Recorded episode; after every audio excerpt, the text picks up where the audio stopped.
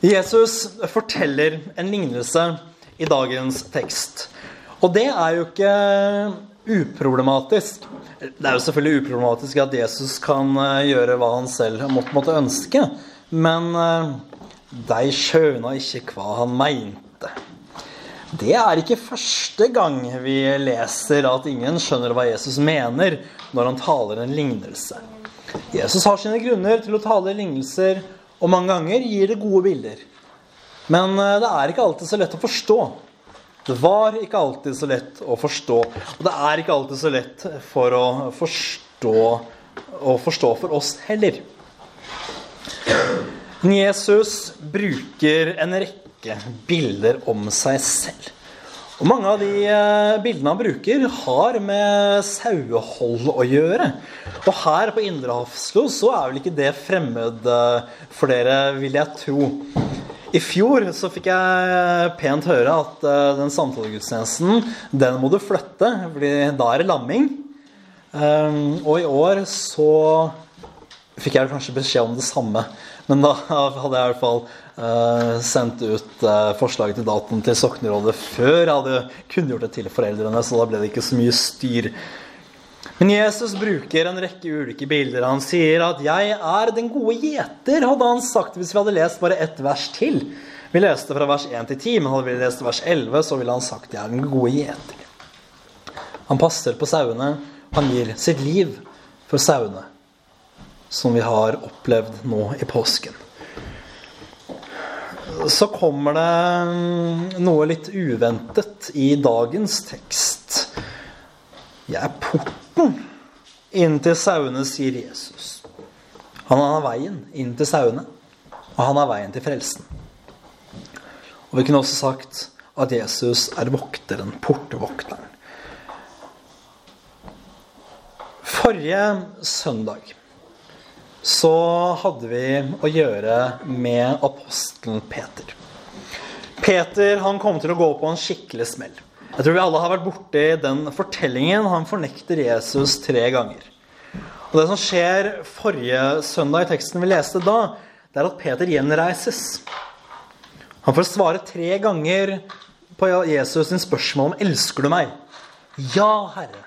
'Du vet at jeg har deg kjær', sier Peter tre ganger. Og Det som skjer videre, er at Jesus gir Peter oppdrag å være hyrde for sauene. Og hele poenget her er at det er en delegasjon i makt og myndighet og ansvar fra Jesus som er den gode hyrden. Vi kan si at Jesus virkelig er hyrden med stor H. Og egentlig helt siden dette så har Kirken hatt hierarki.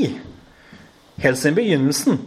Og Det begynte med apostlene, og så fikk vi etter hvert biskoper og prester osv. Og, og det er fra apostlene at biskoper og prester har sin delegasjon. Og poenget her, når vi da leser at Jesus er porten At alle som skal ha noe som helst form for ansvar for Guds menighet, for Guds saueflokk. Og da kan jeg jo bare legge til det at i kirkelig og bibelsk forstand så er det jo absolutt positivt å være sau.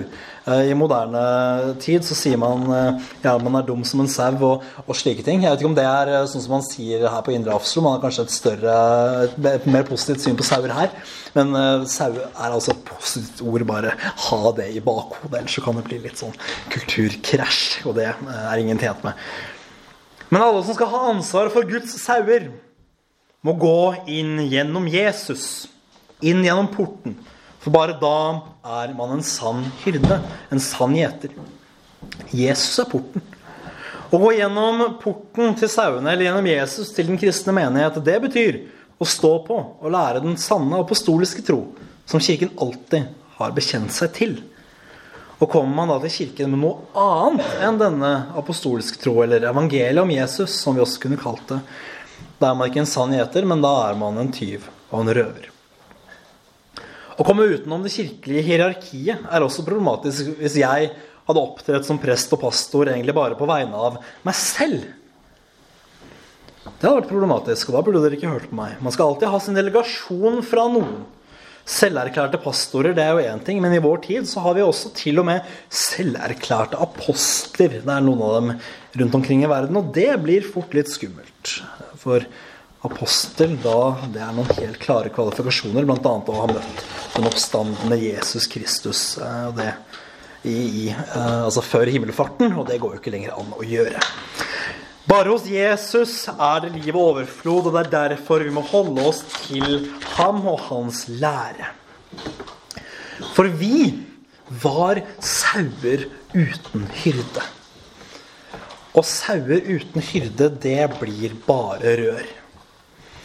Vi minnes kanskje en fortelling fra evangeliene hvor Jesus ser en folkemengde, og han ser at de er sauer uten gjeter.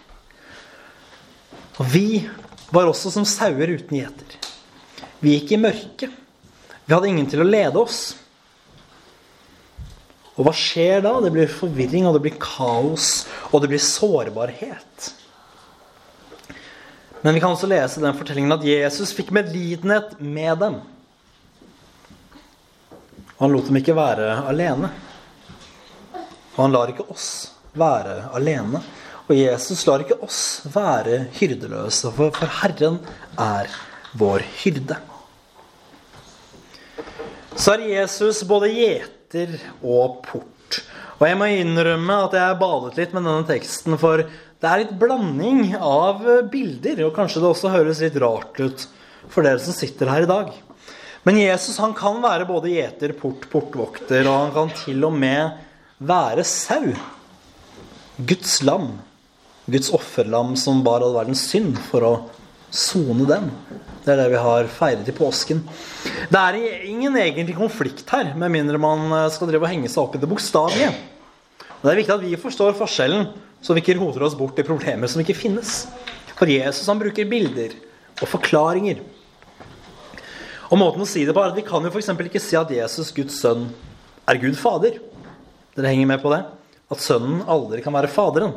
Og Faderen han kan heller aldri være Sønnen, og Den hellige ånd kan være verken Fader eller Sønn. Å hevde noe annet er å blande personene i treenigheten. Og det må vi ikke finne på å gjøre. Det blir bare gærent. Men det er noe annet når Jesus beskriver seg selv og forteller lignelser. Derfor kan han være den gode hyrde, samtidig som han er Guds lam, som ofres for å sone og tilgi all vår synd. Så er hele poenget her at det er Jesus som er den eneste veien til frelsen. Jesus er den eneste måten å få fred med Gud. Man må gå gjennom Jesus for å bli frelst. Å gå noen annen vei, det er tilsynelatende mulig, jf. en som klatrer over muren til der sauene holder til. Men kommer man ikke inn gjennom porten, Jesus, så blir man heller ikke frelst. For det er bare i troen på Jesus Kristus at frelsen finnes. Det er bare der vi har tilgivelse for vår synd. Og det slår meg tidvis at uh, det er til forargelse og fortvilelse. Folk hever øyenbrynene sine og sier ja, men det er jo så eksklusivistisk. Kan det ikke hver og en finne sin egen vei til Gud? Jeg vil ikke at det skal være til fortvilelse at Jesus er den eneste veien, og jeg skjønner ikke hvordan det har blitt det. For Jesus er den eneste veien. La det være et liten tvil om det. Men istedenfor å da lure og tenke ja, men hvorfor er det ikke flere veier til Gud? La oss da heller se ok, det er faktisk en vei til Gud. Det er faktisk en vei til Gud, og den går gjennom troen på Jesus Kristus. Ære være Faderen og Sønnen og Den hellige ånd, som var, er og blir en sann Gud fra evighet og til evighet. Amen.